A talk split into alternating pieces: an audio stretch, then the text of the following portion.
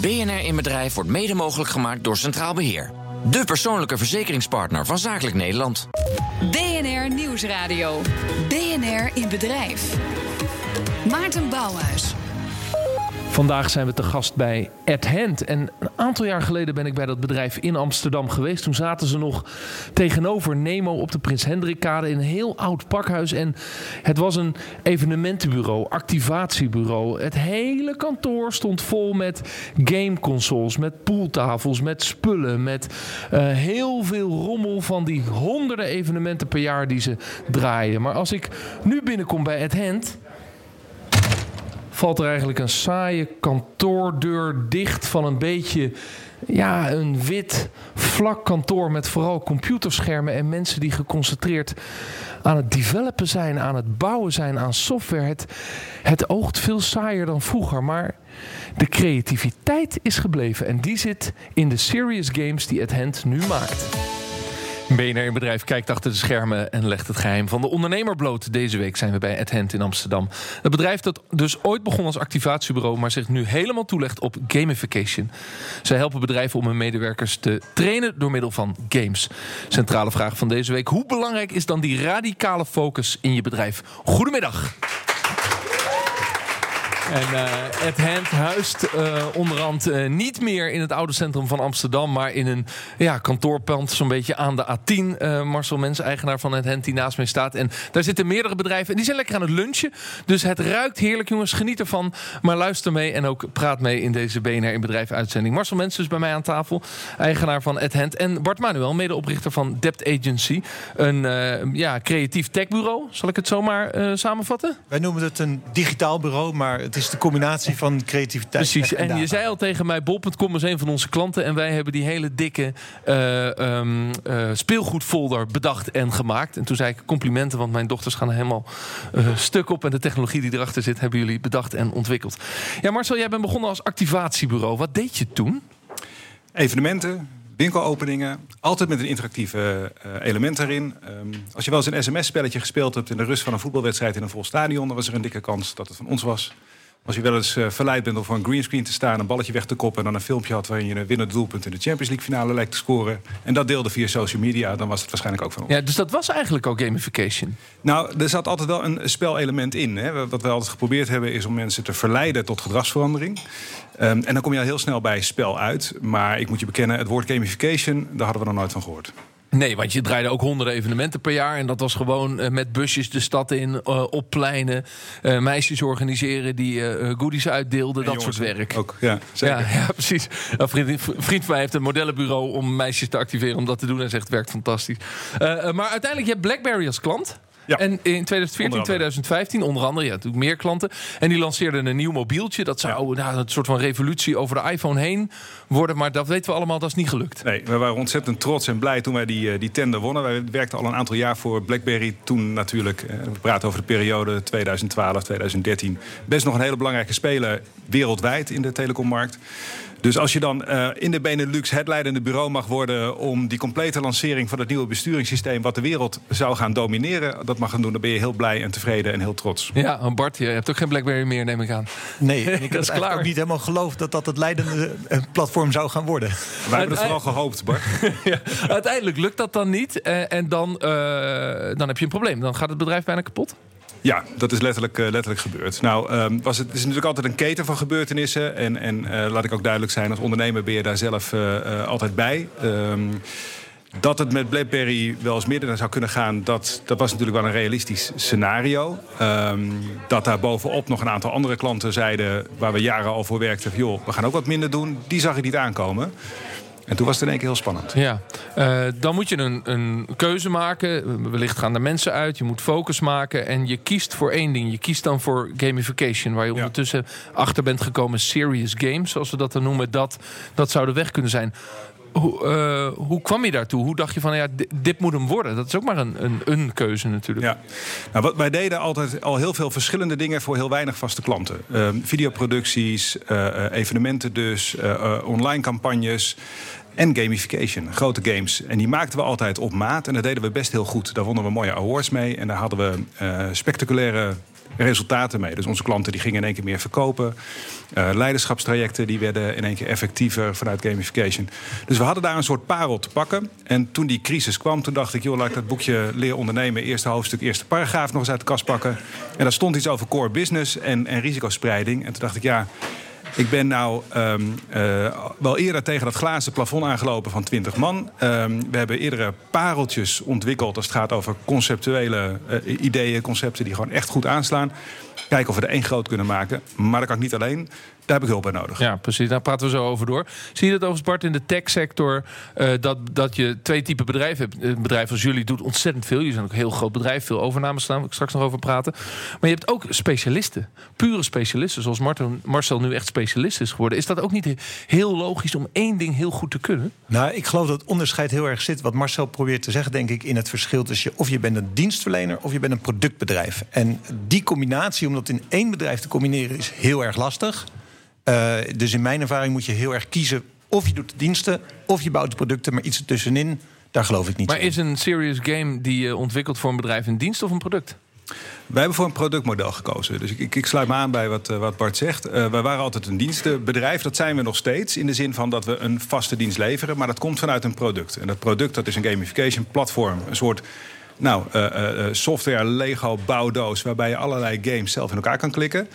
Um, en waarbij onze klanten um, prestatieverbetering kunnen bereiken, leren en, en verandering uh, verbeteren. Dus waar je vroeger ook hele kleine games en speelelementen bouwde, laten we zeggen in activaties en rondom evenementen, steeds weer opnieuw dat productje maken, heb je nu een platform gebouwd wat voor al jouw klanten werkt. Ja, voor de duidelijkheid, dat hebben mijn collega's gedaan, want als ik, ik kan geen code lezen nog steeds, maar ik kan het wel bedenken. Bart kijkt met verbazing naar de overkant. Jij kunt wel code lezen, Bart. Ik kan het in ieder geval nog lezen. Maken ja, doe je toch wel eens? Nee, maken, dat lukt me niet meer. Nee.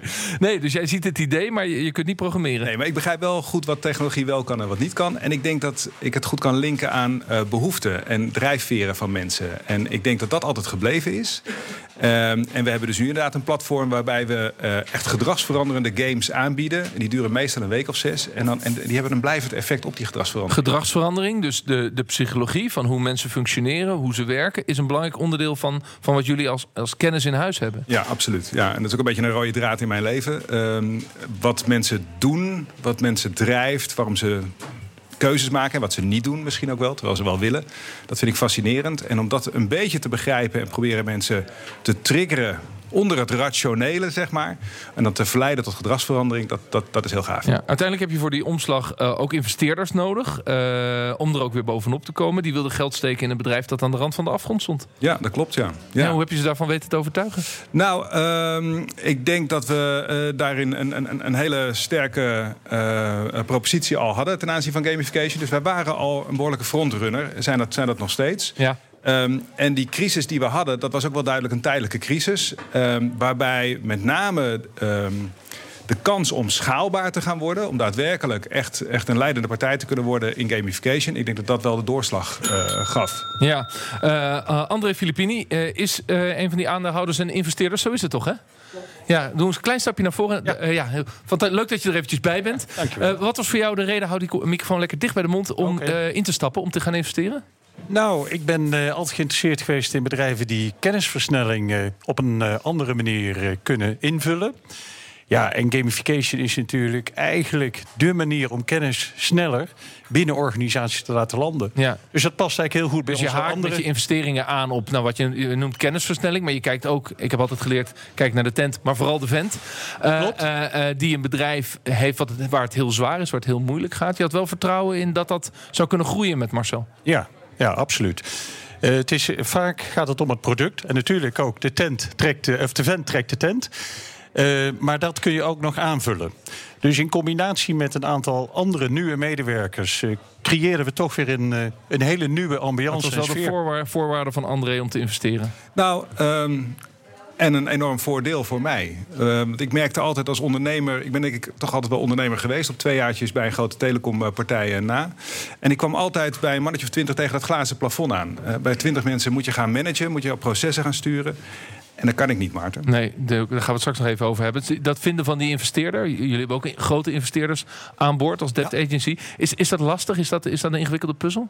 Uh, nou, voor ons was het destijds niet zo'n hele ingewikkelde puzzel. Maar dat kwam denk ik ook dat de situatie waaruit we kwamen anders waren. Wij waren al groeiend en winstgevend en zaten niet in een crisis. Dus het soort investeerder wat wij gevonden hebben. Vind extra knap dat Marcel iemand vindt terwijl zijn bedrijf eigenlijk aan de afgrond staat? Dat vind ik razend knap. Maar dat denk ik dat dat spreekt voor het feit dat ze een hele goede propositie, een hele goed product hadden. Maar misschien niet zo goede focus op de business en op de klant en de dienstverlening. Uh, en blijkbaar is dat herkend door André. Wat is er in het bedrijf veranderd sinds dat André aan boord is? Nou, alles. Alles. Ja, ja want, ja. want wij maken een serie radio-uitzendingen over jezelf opnieuw uitvinden. Maar jij hebt het bedrijf opnieuw uitgevonden, product-dienstcombinatie opnieuw uitgevonden. Maar jezelf ook eigenlijk? Ja, zeker. Want ik was natuurlijk de ondernemer bij wie alles samenkwam. En die ook over operationele zaken moest gaan beslissen. En um, uh, het, het, grappige is, mijn kracht is altijd om um, continu te vernieuwen. Maar als je een platform gaat bouwen en je gaat het groot maken... dan moet je daar ontzettend de handrem op gaan zetten.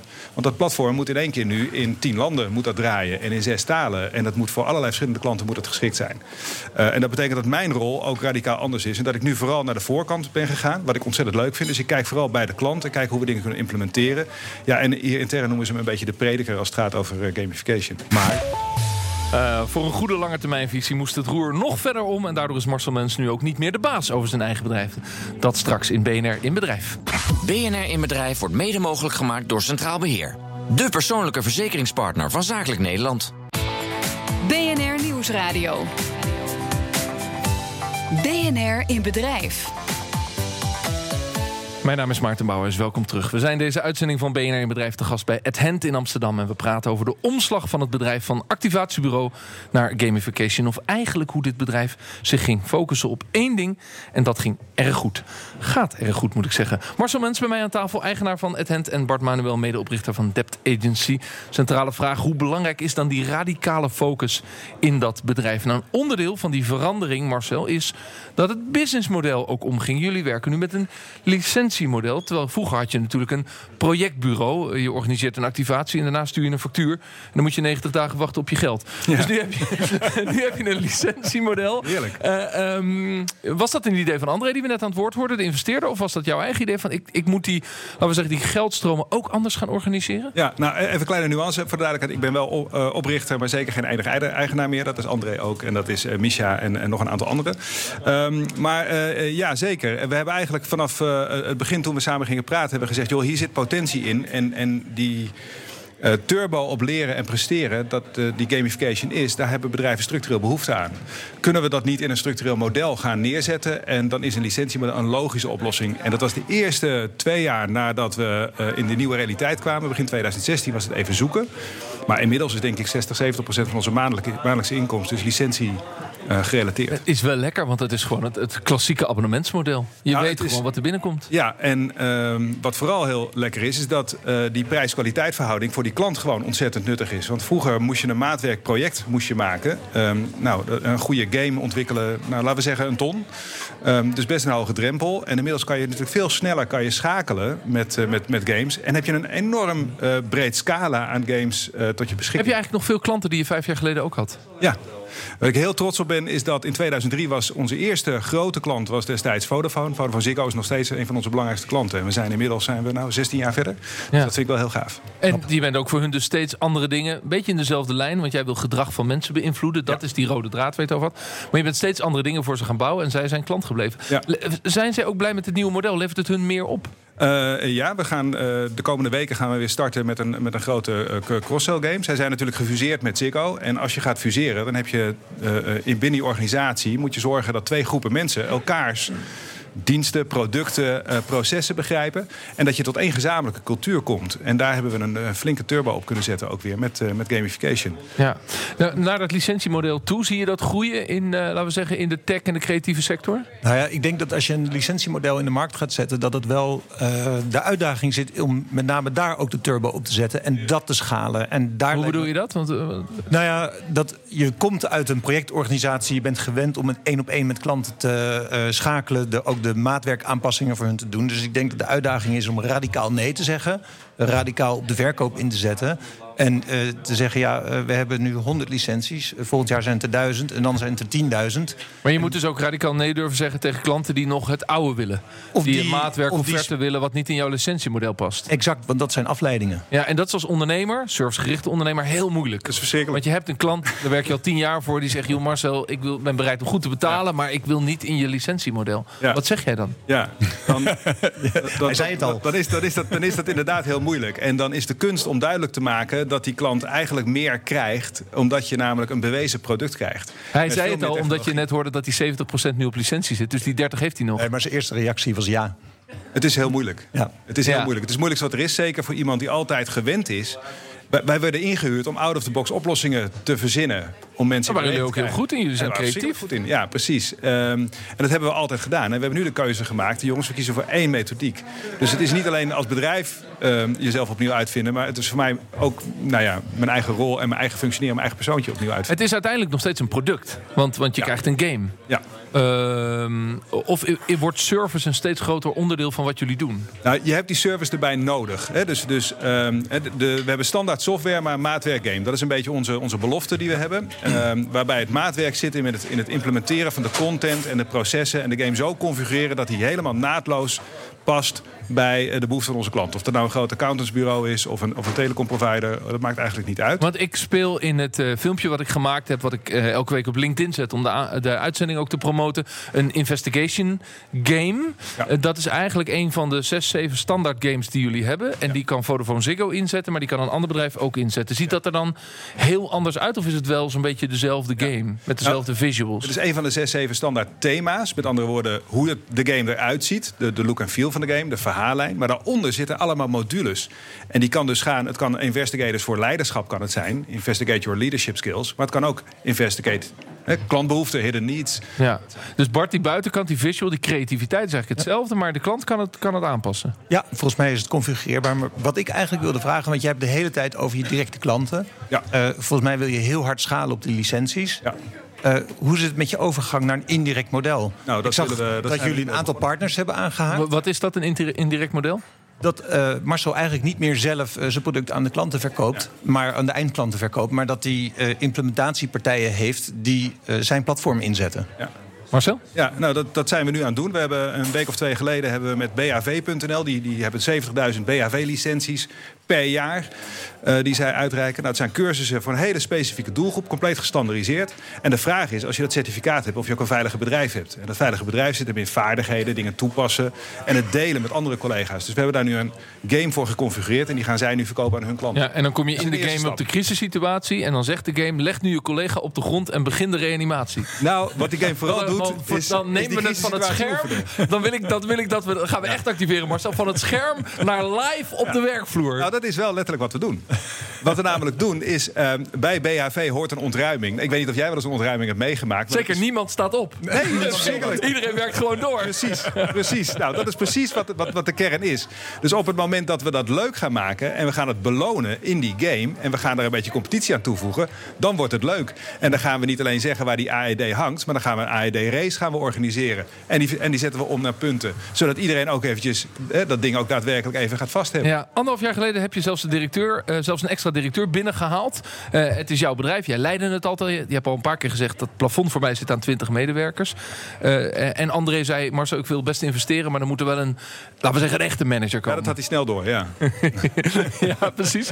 Eh, we halen er erbij. Micha Voogd, kom lekker. Kruip dicht tegen onze interruptiemicrofoon aan. Eh, waar kom je vandaan? Wat heb je hier, hiervoor gedaan? Ik heb heel lang in eh, grotere bedrijven gewerkt. Onder andere bij Michael Page, ook bekend voor jullie. Ja, zo ben ik hier eerder geweest. Maar dat ja. is dus corporate life. Corporate. En ja, nu absoluut. zit je bij een MKB-bedrijf Ja. van, van 20, 25 medewerkers. Ja. Compleet andere wereld. Waarom heb je dat gedaan? Nou, omdat ik juist die overgang leuk vind van eh, eh, 20 man naar veel meer. Eh, en ik vind het leuk om een echt bedrijf te leiden met eh, heel veel personeel, heel veel chaos, heel veel dynamiek. En daar dan iets moois van maken. Ja, eh, maar goed, hoeveel medewerkers hebben we nu, Marcel? Uh, rond de 20 zitten. Ja, dus waar gaan we naartoe groeien in twee jaar tijd? Wat wil André? Uh, Jij bent zelf ook André, aandeelhouder André geworden, wil, Micha? net als ik, dat we, uh, dat we gaan schalen. Ja. dus ik voorzie dat we in personeel ja, minstens gaan verdubbelen. Maar vooral dan in volume, aantal klanten. ja, omdat we een platform hebben, zoals Bart zegt. En precies, het moet wel een leverage zijn. Je moet niet je personeel mee laten groeien ja. met het aantal ja. klanten. Is het een zegen? Want je hebt eerder een andere extra directeur naast je binnengehaald. Dat ging mis. Ja. Dat, dat klapte, dat heb je me wel eens verteld. Ja. En nu heb je Micha al anderhalf jaar erbij. Is, is dit Ja. de zegen waar je misschien al 15 jaar op hoopte? Ik denk dat het het beste is wat me vorig jaar overkomen is. Uh, uh, absoluut. En uh, is het lastig? Ja, het is soms ook ontzettend lastig. Ik denk dat als je qua karakters elkaar uit zouden tekenen op een as... dan kan het niet heel veel verder uit elkaar liggen. Um, waarbij Misha heel erg op de proceskant zit, op, het, op, op, op, op de details... ben ik natuurlijk van de grote lijnen. Maar juist die, uh, dat, het cliché 1 en 1, uh, van 1 en 1 3 maken... ik denk dat, dat, dat we dat echt aan het doen zijn. En Ja. Dat is heel gaaf. Dan nog een laatste vraag over die medewerkers. Er zijn hier ook aan de lunch aanwezig twee medewerkers die al eh, meer dan tien jaar, Marcel, voor jou werken. Eh, die organiseerden vroeger events. Ja. Die Ja. zaten in busjes, die reden door de stad heen, activaties. Grote en eh, stadions, hoe, hoe ja. motiveer jij hen, Misha, om op een kantoor te werken? Nou, eh, wat je merkt is dat er vooral eh, heel positief gereageerd wordt op duidelijkheid, de plannen, de visie, het delen. Misten ze dat bij Marcel? Zeggen ze dat tegen jou, onder Ja. vier ogen? Dat zeggen ze ook tegen Marcel zo. Ja. Maar het is interessant, Marcel. Ben je daar eh, trots op dat je die mensen aan boord hebt kunnen houden? Dat je ze niet kwijt bent? Nou ja, zeker omdat, het, omdat die, die, ehm, die roots die we hebben van focussen op resultaat, focus op die gedragsverandering, waar gaat het nou eigenlijk om? En gewoon ook die no-nonsense cultuur, ja, die, die, die, die, hebben we behouden. Ja. Daar ben ik heel blij mee. En dat vertegenwoordigen zij nog. Nou zijn jullie heel hard gegroeid. 1300 medewerkers, Bart, zei je tegen mij. Met heel veel overnames. Misschien, Micha, komen er ook nog wel overnamen van Ja, andere gamebedrijven bij. Met heel veel overname. Is het dan lastig om mensen vanuit oude culturen, oude bedrijven te motiveren in de nieuwe lijn? Hè? Want dat is misschien wat hier de komende jaren ook wat te gebeuren staat. Wij hebben eigenlijk één grote nieuwe cultuur gebouwd. eh, waarbij we wel heel selectief zijn geweest op de bedrijven die erbij zijn gekomen. Waarvan we wisten, dit gaat zeker een match worden. Eh, maar iedereen moet wel begrijpen dat het verandering het ding is. Eh, en als bedrijf daar niet aan wil, dan hoeven ze ook niet bij Dept te en. Debt Agency is zo hard gegroeid door dus overname. Staat het, Micha, ook op de agenda om te kijken naar andere gamebedrijven die een beetje hetzelfde doen en die jullie, die Ja, het jullie staat kunnen niet per overnemen? se op de agenda, maar wel partnerships. Ja, Ja, en dat is waar Bart het net over Ja. had, dus andere licentiehouders. ja bijvoorbeeld. Ja. Juist. Resellers. Ja. Eh, maar goed, ik ben hier in een bedrijf, verzamelgebouw met andere bedrijven. Maar Marcel, maar als ik hier over een paar jaar kom, dan is het helemaal at hand. Wie weet. Nou ja. nou ja, wat we vooral willen doen, we, zijn, we draaien nu in tien landen. En we willen vooral verder eh, eh, eh, verspreiden. Dus ik heb liever heb ik goede partners, resellers op veel verschillende andere locaties. dan zelf we hier per se en een enorme blijven. batterij met verder programmeurs hebben. Waarvan acte de centrale vraag van deze week. Hoe belangrijk is die radicale focus in het bedrijf? Nou, die is belangrijk. En hoe mooi is het om een verhaal te horen van iemand die niet alleen zichzelf als ondernemer opnieuw heeft uitgevonden. Het bedrijf, zijn product, een, een stuk serviceverlening erbij. Alles opnieuw uitgevonden. En zelfs ook andere investeerders en aandeelhouders aan boord. Om daadwerkelijk te kunnen groeien. Dankjewel Marcel Mens voor jouw verhaal. Oprichter en mede-eigenaar tegenwoordig van AdHand. En Bart Manuel, medeoprichter van Debt Agency. Dank voor je scherpte, visie eh, en aanwezigheid hier in BNR in bedrijf. Dit was hem alweer. Volgende week zijn we er weer. Dan zijn we te gast bij ProAwareness in Delft. Een bedrijf waar iedereen alle informatie over het bedrijf kan zien op de Transparency Wall. Wat zijn, eh, Marcel? Alle informatie transparant over de achterkant van je bedrijf. Eh, tot elkaar salaris aan toe. Wil je daarbij zijn? Mail ons dan eh in bedrijf.bnr.nl. En over twee weken brengen we alle verhalen van de afgelopen weken samen tijdens ons event BNR in Bedrijf. The Battle op 26 november in Amsterdam. Je kunt erbij zijn. Meld je aan via bnrlive.nl. Bedankt voor het luisteren vanuit Amsterdam, vanuit het Hent. Zeg ik tot volgende week. Dag. BNR in Bedrijf wordt mede mogelijk gemaakt door Centraal Beheer. De persoonlijke verzekeringspartner van Zakelijk Nederland.